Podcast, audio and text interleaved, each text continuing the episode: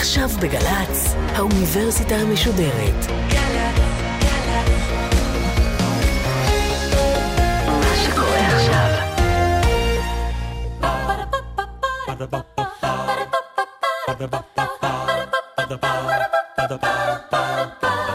האוניברסיטה המשודרת מציגה מסע סביב רעיון, והסמסטר מציאות, והפעם הפרופסור שי פרוגל, מרצה לפילוסופיה ממכללת סמינר הקיבוצים ומאוניברסיטת תל אביב, על הפילוסופיה של המציאות. עורכת ראשית, מאיה גאייר. Have you ever had a dream, Neo, that you were so sure was real? What if you were unable to wake from that dream? How would you know the difference between the dream world and the real world? מהי המציאות? שלום, שמי פרופסור שי פרוגל, וכפרופסור לפילוסופיה נתבקשתי לפתוח את הסדרה בגלי צה"ל שעוסקת במציאות. השאלה מהי המציאות היא שאלת יסוד בחשיבה הפילוסופית, שמכונה בלשון הפילוסופיה שאלה אונתולוגית. פרידריך ניטשה, פילוסוף בן המאה ה-19, כותב בספרו הולדתה של הטרגדיה. האדם הפילוסופי אף נושא בחובו איזו תחושה מוקדמת, שגם אחרי מציאות זו בה אנו חיים וקיימים, חבויה עוד מציאות שונה לגמרי, משמע שאף זו שלנו אינה אלא תדמית. סוף ציטוט. הרבה מאוד לפני ניטשה מצייר אפלטון, מי שנחשב לאבי הפילוסופיה המערבית, במשל ידוע שידוע בשם משל המערה, את בני אדם שלפני פיתוח החשיבה הפילוסופית, כמי שאסורים במערה אפלה ואינם יכולים להיות מודעים כלל לטבעה האמיתי של המציאות.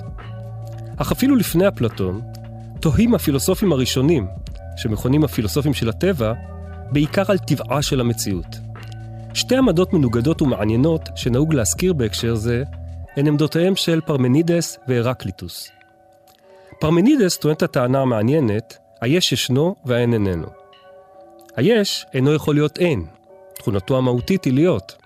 האין אינו יכול להיות יש, תכונתו המהותית שהוא איננו. עד כאן, כך אני חושב, פשוט והגיוני. היש ישנו, האין איננו. נראה שלא ניתן שלא להסכים לטענה זו, שבלשון הפילוסופיה מנוסחת כטאוטולוגיה. לא הוספנו דבר, כאילו. היש ישנו, האין איננו. אך מה ניתן ללמוד מכך על המציאות? אם קיבלנו טענה זו, טוען הפילוסוף, עלינו לקבל את המסקנה שלא תיתכן תנועה בעולם, קרי, תנועה היא סוג של אשליה. לזה, כך נראה, נתקשה מאוד להסכים. הרי ברור לנו שיש תנועה בעולם, מדוע בעצם כה ברור לנו? האמנם, אם אנו מקבלים שהיש ישנו והאין איננו, והרי קיבלנו את זה, נגזר מכך שתנועה איננה מן האפשר? זנון, אחד מתלמידיו, מספק לנו המחשה לאי אפשרות התנועה בכמה פרדוקסים, אחד מהם קצר, נקרא פרדוקס החץ. חץ שצריך לעבור נגיד מרחק של עשרה מטר, צריך קודם כל לעבור את מחצית המרחק, קרי חמישה מטר. בשביל לעבור חמישה מטר, הוא צריך לעבור קודם את מחצית המרחק, שתיים וחצי מטר, וכן הלאה וכן הלאה. אני חושב שקל להבין את הרעיון באופן עקרוני. זאת אומרת שהחץ, בשביל לנוע תנועה של מרחק סופי, צריך לעבור בעצם זמן אינסופי. האומנם מבחינה לוגית התנועה איננה מן האפשר? האם עמדה זו היא כה משונה? לא כל כך. אם נזכור במקורותינו, אומר קהלת, אין חדש תחת השמש. או בצורה יותר פשוטה, אנחנו חושבים, לפחות מי שמאמינים באלוהים, שאלוהים הוא נצחי. כמו כן במדע אנחנו מכירים את חוק שימור אנרגיה. לא ייתכן שהיש יהפוך לעין. אם זה לא ייתכן, לא תיתכן תנועה של ממש. זאת אומרת, לא ייתכן מעבר מיש לעין או מעין ליש. הרקליטוס, ספק פילוסוף, ספק משורר, מייצג עמדה הפוכה לגמרי. הוא טוען דווקא שהכל זורם. הכל נמצא כל הזמן בתנועה. המשפט המפורסם שמיוחס לו הוא אי אפשר להיכנס לאותו נהר פעמיים. העולם לדידו בנוי מניגודים ולכן מתחייבת מכך תנועה כל הזמן. עמדה זו מתיישבת היטב עם תפיסות הידע האמפיריות המודרניות. הקיום הוא תמיד בזמן. אם כן, הוויכוח האונתולוגי הראשון, אם אפשר לקרוא לו כך, האם באופן מהותי לא תיתכן תנועה במציאות? מעבר מיש לעין ולהפך? או דווקא המציאות היא בתנועה מתמדת, מעבר בין ניגודים כל הזמן. בדרך כלל נמצא לכל אורך ההיסטוריה עמדות שמשלבות באופן זה או אחר בין השניים. בין היבטים קבועים של המציאות לבין היבטים משתנים שלה. האם זו פשרה או אמת?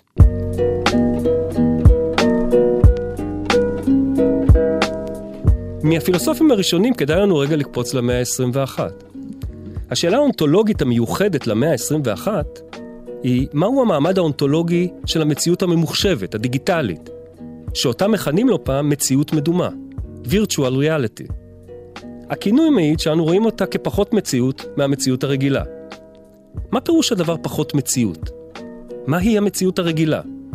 האם אין דבר נמצא או לא נמצא? האם ישנן דרגות של מציאות, ממשות שונות? אפלטון טוען שיש דרגות שונות של מציאות. מדימויים של דברים מוחשיים, למשל, העץ בעל ממשות אחרת מהדימוי שלו בתודעה שלי. ועד ישויות מופשטות, שאותן הוא מכנה אידאות. כל דרגת מציאות, לפי תפיסה זו, היא השתקפות גדולה יותר או קטנה יותר של המציאות המוחלטת, האידאות. משונה? לא כל כך. בתפיסות דתיות, הממשות של אלוהים שונה מהממשות של הדברים האחרים. ממשותו של אלוהים היא מוחלטת, והוא בורא או ברא את כל הדברים האחרים שממשותם אינם כממשות של אלוהים. דוגמה מהחיים, אני מתבונן על עצמי במראה. הבבואה שלי במראה פחות ממשית ממני, על אף שאף היא משהו, היא לא לא שום דבר. באיזה מובן ממשותה נמוכה יותר מהממשות שלי? התשובה האפלטונית? הקיום שלה תלוי בי, אך הקיום שלי איננו תלוי בה. Well, חזרה לשאלה של המאה ה-21. מדוע המציאות הווירטואלית נתפסת כפחות ממשית מהמציאות הרגילה? התשובה הסבירה, בעיניי, אנו חיים בתרבות אמפיריציסטית מטריאליסטית. המדע שלנו מדבר על חומר. אנו מייחסים קודם כל, או רק, ממשות לדברים חומריים. What is real? How do you define real? If you're talking about what you can feel, what you can smell, what you can taste and see, then real is simply electrical signals interpreted by your brain. המציאות הדיגיטלית נתפסת כחיקוי של מציאות זו, ולכן כפחות ממשית. היא לא שום דבר, אך איננה ממש משהו, כמו הבבואה שלי במראה. אך מבחינה אפלטונית, יש לראות דווקא את הישויות במרחב הדיגיטלי ברמת ממשות גבוהה יותר. הן חיקוי קרוב יותר של צורות מחשבה מופשטות. האם אם כן המציאות המדומה, הווירטואלית, היא פחות ממשות, פחות מציאות, מהמציאות האמפירית, החומרית, או דווקא יותר ממשות מהמציאות האמפירית?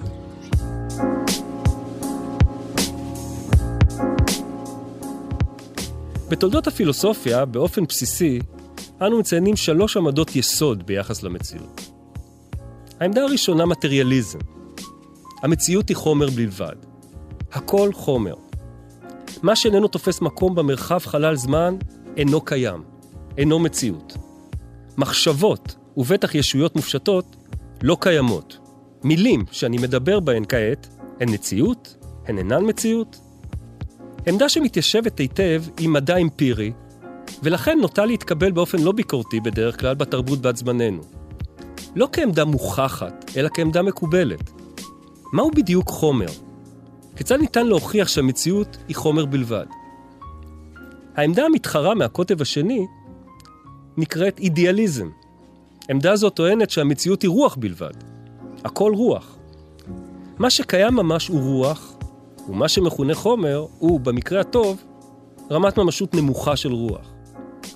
דווקא אחד מאבות האמפריציסטים, ג'ורג' ברקלי, פילוסוף מהמאה ה-18, החזיק בעמדה זו. לטענתו, אנו חשופים רק לתפיסות שלנו, ולכן רק להן ולמי שתופס אותם, אנחנו כרוח, ניתן לייחס ממשות. למשל, אתה אומר שיש פה כיסא.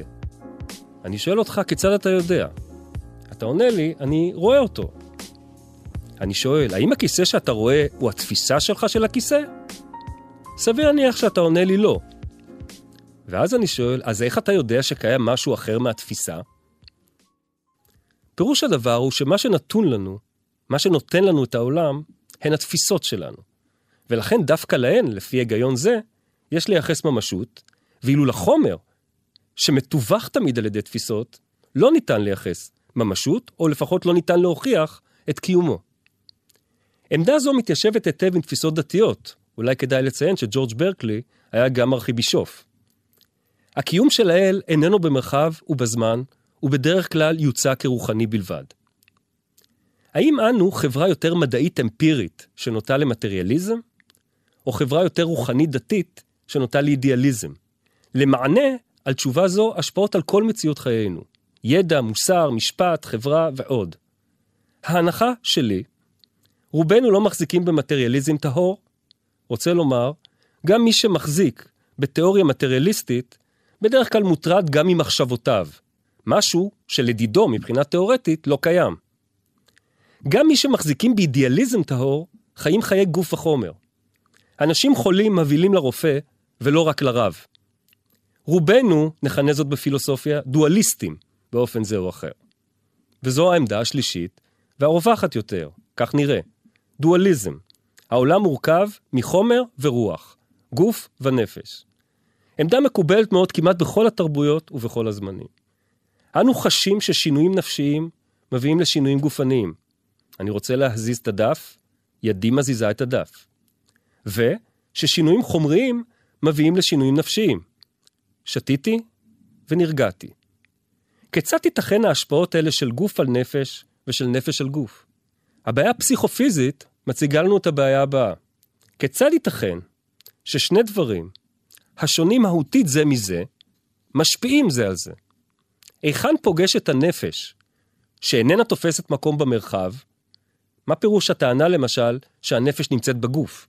הנפש איננה תופסת מקום במרחב, היא לא חומר. היכן פוגשת, אם כן, הנפש בגוף, שהוא מצידו איננו מבין או מרגיש דבר. חומר כשלעצמו איננו מרגיש או מבין דבר. כיצד משהו שאיננו חומר משפיע על משהו שהוא חומר? כיצד מתערבת הרוח בעולם הסיבתי של החומר? הגוף האורגני מוצג כסוג של פתרון. הגוף האורגני מבטל את הדיכוטומיה, את החלוקה החדה בין גוף ונפש, בין רוח לחומר. החלוקה הדיכוטומית טוענת רוח היא רוח וחומר הוא חומר, גוף הוא גוף ונפש היא נפש. בגוף האורגני אנחנו מוצאים איזושהי תפיסה של חיבור בין השניים. חיבור זה מצוי כבר אצל אריסטו ביוון העתיקה, כאשר הגדרתו לנפש היא צורה של גוף טבעי חי. זאת אומרת, מבחינתו של אריסטו, אין באמת דיכוטומיה, אין חלוקה, אין הפרדה בין חומר לרוח או בין נפש לגוף, לפחות לא בעולם הטבע. בעולם הטבע, הנפש היא סוג של צורה של גוף. מדובר במכלול שאנו יוצרים בו הבחנות לצרכנו, גוף ונפש. אין כל בעיה פסיכופיזית מנקודת מבט זו, יש בעיה כנראה בהמשגות שלנו. רוב העמדות הפילוסופית אף הן במגמה דואליסטית, עם נטייה לאידיאליזם, זאת אומרת, עם נטייה לחשוב שלרוח ממשות גבוהה יותר דווקא מהחומר, ורק עם התפתחות מדעי הטבע המודרניים, הנטייה התהפכה, להיות יותר מטריאליסטית. זאת אומרת, סביר להניח שרובנו היום דואליסטים, עם נטייה למטריאליזם, יחד עם הבעיה שציינתי ביחס לאדם דתי או מאמין, שמייחס לאל ממשות גבוהה יותר מעולם הטבע, גם אם הוא מדען של טבע ומתעסק בחומר. אציג כמה עמדות כאלה בקצרה. אפלטון שהזכרתי, אם כן, טוען שממשות הרוח גבוהה מממשות החומר, אך איננו שולל את ממשות החומר. האידאות וההשתקפויות שלהם. אם נחשוב על זה במושגים של מדע מודרני, ננסה לחשוב מה יותר ממשי, חוק הטבע או ביטויים קונקרטיים שלו? הנפילה של התפוח שאני מחזיק ביד, או חוק הגרביטציה הכללי? אריסטו, כפי שציינתי, טוען שבטבע הכל מופיע כחומר וצורה, כגוף ונפש, במקרה של גופים טבעיים חיים. אך חושב שמעבר לטבע קיימת מציאות מטאפיזית, שהיא לא חומרית, אלא רוחנית. רנה דקארט, מי שניסח עבורנו במאה ה-17 את הבעיה הפסיכופיזית, הוא טוען לדואליזם של רוח וחומר, אך רואה ברוח כמשהו בעל ודאות גבוהה יותר מהוודאות של החומר. יתר על כן, קיום החומר, לפי דקארט, מוכח רק על בסיס קיום הרוח, ולא להפך.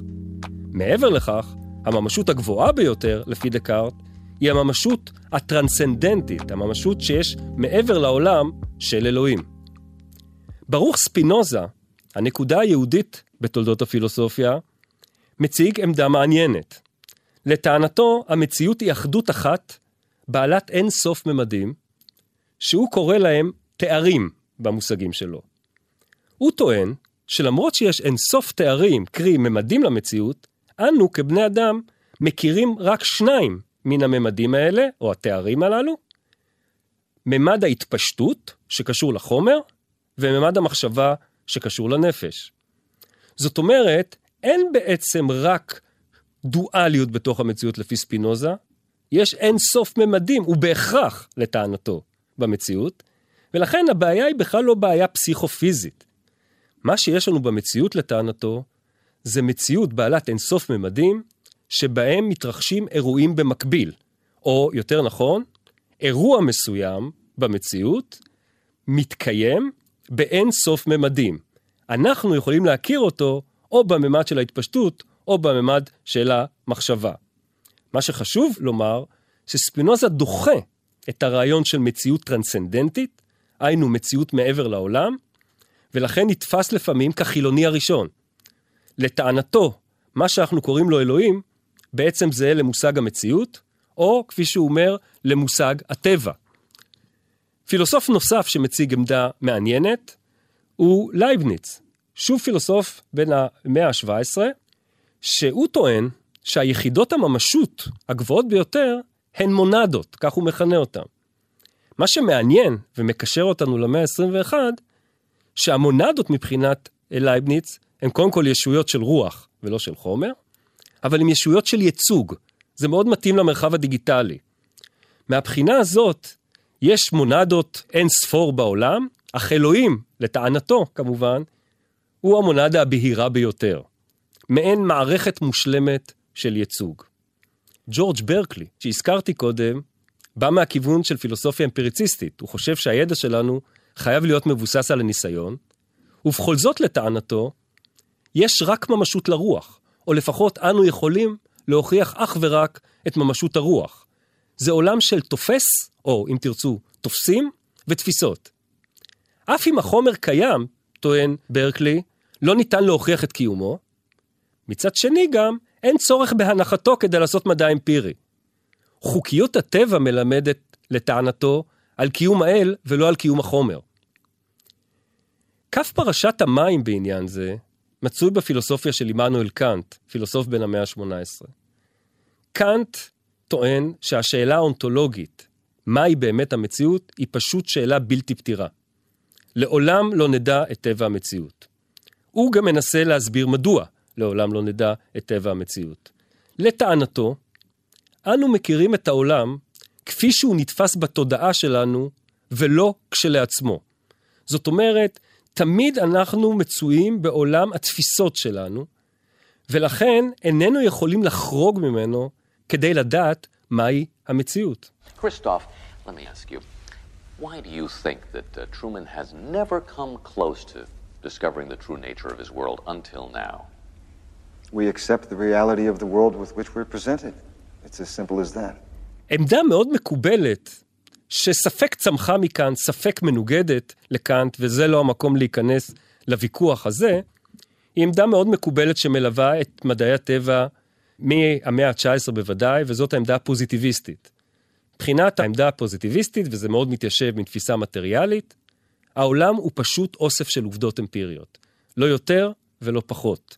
אין מעבר לזה שום דבר, אין מתחת לזה שום דבר, אלא רק מה שעובדה אמפירית קיים במציאות. המעבר מפילוסופיה למדעי הטבע הוא המעבר, אם כן, מתפיסה של מציאות יותר כרוח, לרוח ממשות גבוהה יותר, עד אידיאליזם, שזה הביטוי הבולט ביותר, הקיום של ישויות מופשטות כממשות האמיתית. אם כן, מפילוסופיה שנוטה יותר לאידיאליזם, למדעי הטבע שנוטים יותר למטריאליזם, תפיסת המציאות כחומר. לחומר ממשות גבוהה יותר. הביטוי הכי קיצוני בימינו לעמדה הזאת הוא טשטוש ההבחנה בין נפש למוח. האם המוח חושב?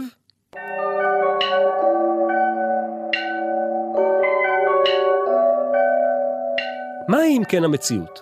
חומר או רוח? גוף או נפש? גם וגם. אין סוף ממדים שאנו כלל לא מכירים. מה ממשי יותר? הרוח? אלוהים? החומר? מרגישים? האם המציאות הווירטואלית היא פחות ממשית, או יותר ממשית מהממשות החומרית? האם המציאות אינה משתנה כלל בצורה מהותית, או האם היא בהשתנות מתמדת? שאלות אלה, שבלשון הפילוסופיה הן שאלות אונתולוגיות, משפיעות על כל יחסינו למציאות, בין אם אנו עוסקים בהם במפורש, מה שעושה כנראה כל אדם לעיתים ולא רק העוסקים בפילוסופיה. למשל, כשהוא מתעורר מחלום מרגש. ובין כשאנו מתנהגים כאילו התשובות להן ידועות לנו. מה שעושים רובנו, כולל פילוסופים, בחיי היומיום שלנו. אנו מייחסים חשיבות גדולה יותר למה שאנו מייחסים לו יותר מציאות או ממשות, וחשיבות פחותה יותר למה שאנו מייחסים לו פחות מציאות או פחות ממשות. האם חמורה יותר פגיעה בנפש או בגוף? האם אנו מוסרים בקלות רבה יותר את גופנו או את נפשנו לטיפול? האדם הדתי והאדם החילוני, למשל, חיים בשני עולמות שונים. האחד בעולם בו יש השגחה אלוהית, וממשותה גבוהה יותר מממשות העולם בו אנו חיים, והאחר בעולם נטול השגחה אלוהית, ובוודאי שאיננו מייחס לכל ממשות. הבדל זה איננו תאורטי בלבד, אלא משתקף בהתנהגות ובשיפוטים הערכיים שלנו. הייתי רוצה להמחיש זאת על ידי סיפור קצר מאוד. זכור לי עד היום הספד מצמרר של אב דתי שקול על קבר בנו החייל. המוות, הוא אמר על קבר בנו, הוא דימוי כוזב. האומנם? דברי נחמה או דברי אמונה? סביר להניח שעבור האב הדתי מדובר בדברי אמונה ונחמה כאחת. המוות איננו סיום מוחלט עבור מי שמייחס ממשות גבוהה יותר לרוח, ובוודאי למי שמאמין בקיומה של ישות רוחנית נצחית. אפשר לחשוב שעמדה זו מקובלת על רוב האנושות למעשה.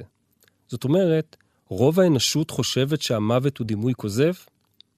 אך כיצד יתייחס לכך מי שחושב שאין ממשות מעבר לממשות הגופנית זו, גם אם מעורב בה קיום נפשי כשהיא אה, קיימת? סביר להניח שיראה דברים אלה כדברי נחמה בלבד. קשה כמובן לקבוע עם מי הצדק, מפני שקשה לנו להבין מהי באמת המציאות. אם נבדוק את הדברים על עצמנו, וכך אני לפחות מלמד את הסטודנטים שלי, בסיכומו של דבר צריך לבדוק איך אנחנו תופסים את הדברים. אני חושב שבדרך כלל נמצא שאנחנו לא כל כך קוהרנטים. לעתים, או במצבים מסוימים, המציאות זועקת לנו חומר, ואולי גם חומר בלבד. אולי כשכואב לנו משהו, אולי אצל רופאי השיניים, אולי כשאנחנו נתקלים במשהו במציאות במפתיע. אז נדמה לנו שהמציאות אולי, אם לא רק חומר, לפחות בעיקר חומר. לעתים, כאשר המצב הנפשי שלנו קשה יותר, כאשר יש לנו איזושהי טרדה, נדמה שהקיום הנפשי הוא קיום שאנחנו מרגישים בו מעבר לכל קיום חומרי. לעתים אנחנו אומרים אפילו, קשה הרבה יותר קושי נפשי מאשר קושי גופני. אינני בטוח שזה נכון, אבל בהחלט אפשר לחשוב על מצבים שבהם כל אחד מאיתנו חושב שהקיום הנפשי הוא ממשי יותר, לפחות במובן הזה שקשה יותר לשאת אותו.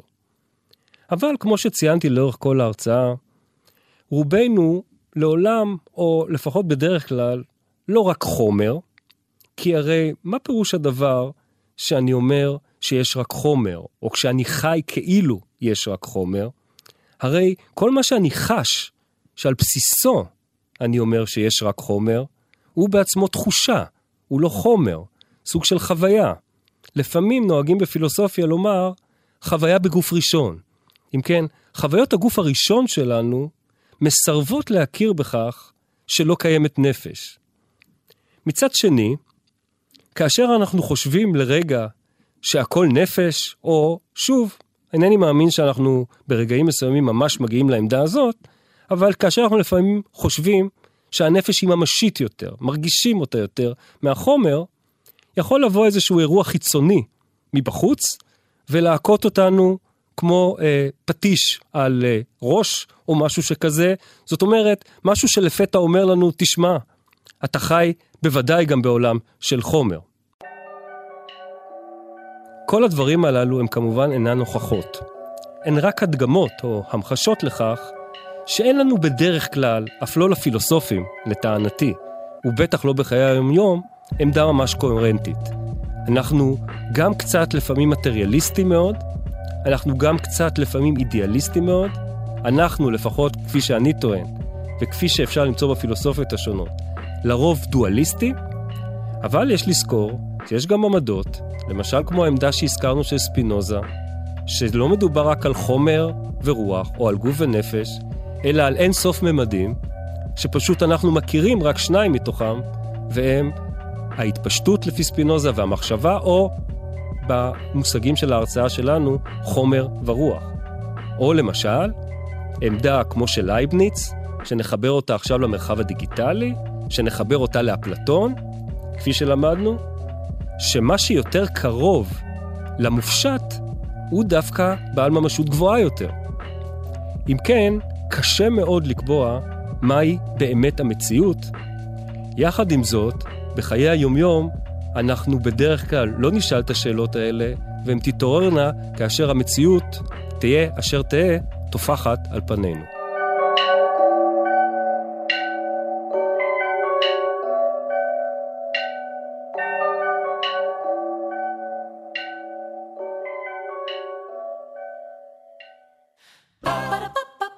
ba da ba ba ba da ba ba ba da ba ba ba da ba ba האוניברסיטה המשודרת, מסע סביב רעיון. הפרופסור שי פרוגל, מרצה לפילוסופיה ממכללת סמינר הקיבוצים ומאוניברסיטת תל אביב, על הפילוסופיה של המציאות. עורכת ראשית, מאיה גאייר. עורכת ומפיקה, אחינועם קפון. מפיקה ראשית, אביגיל קוש. מנהלת תוכן, מאיה להט קרמן. עורך דיגיטל, עירד עצמון שמייר. האוניברסיטה המשודרת, בכל זמן שתרצו, באתר וביישומון גל"צ ובדף הפייסבוק של האוניברסיטה המשודרת.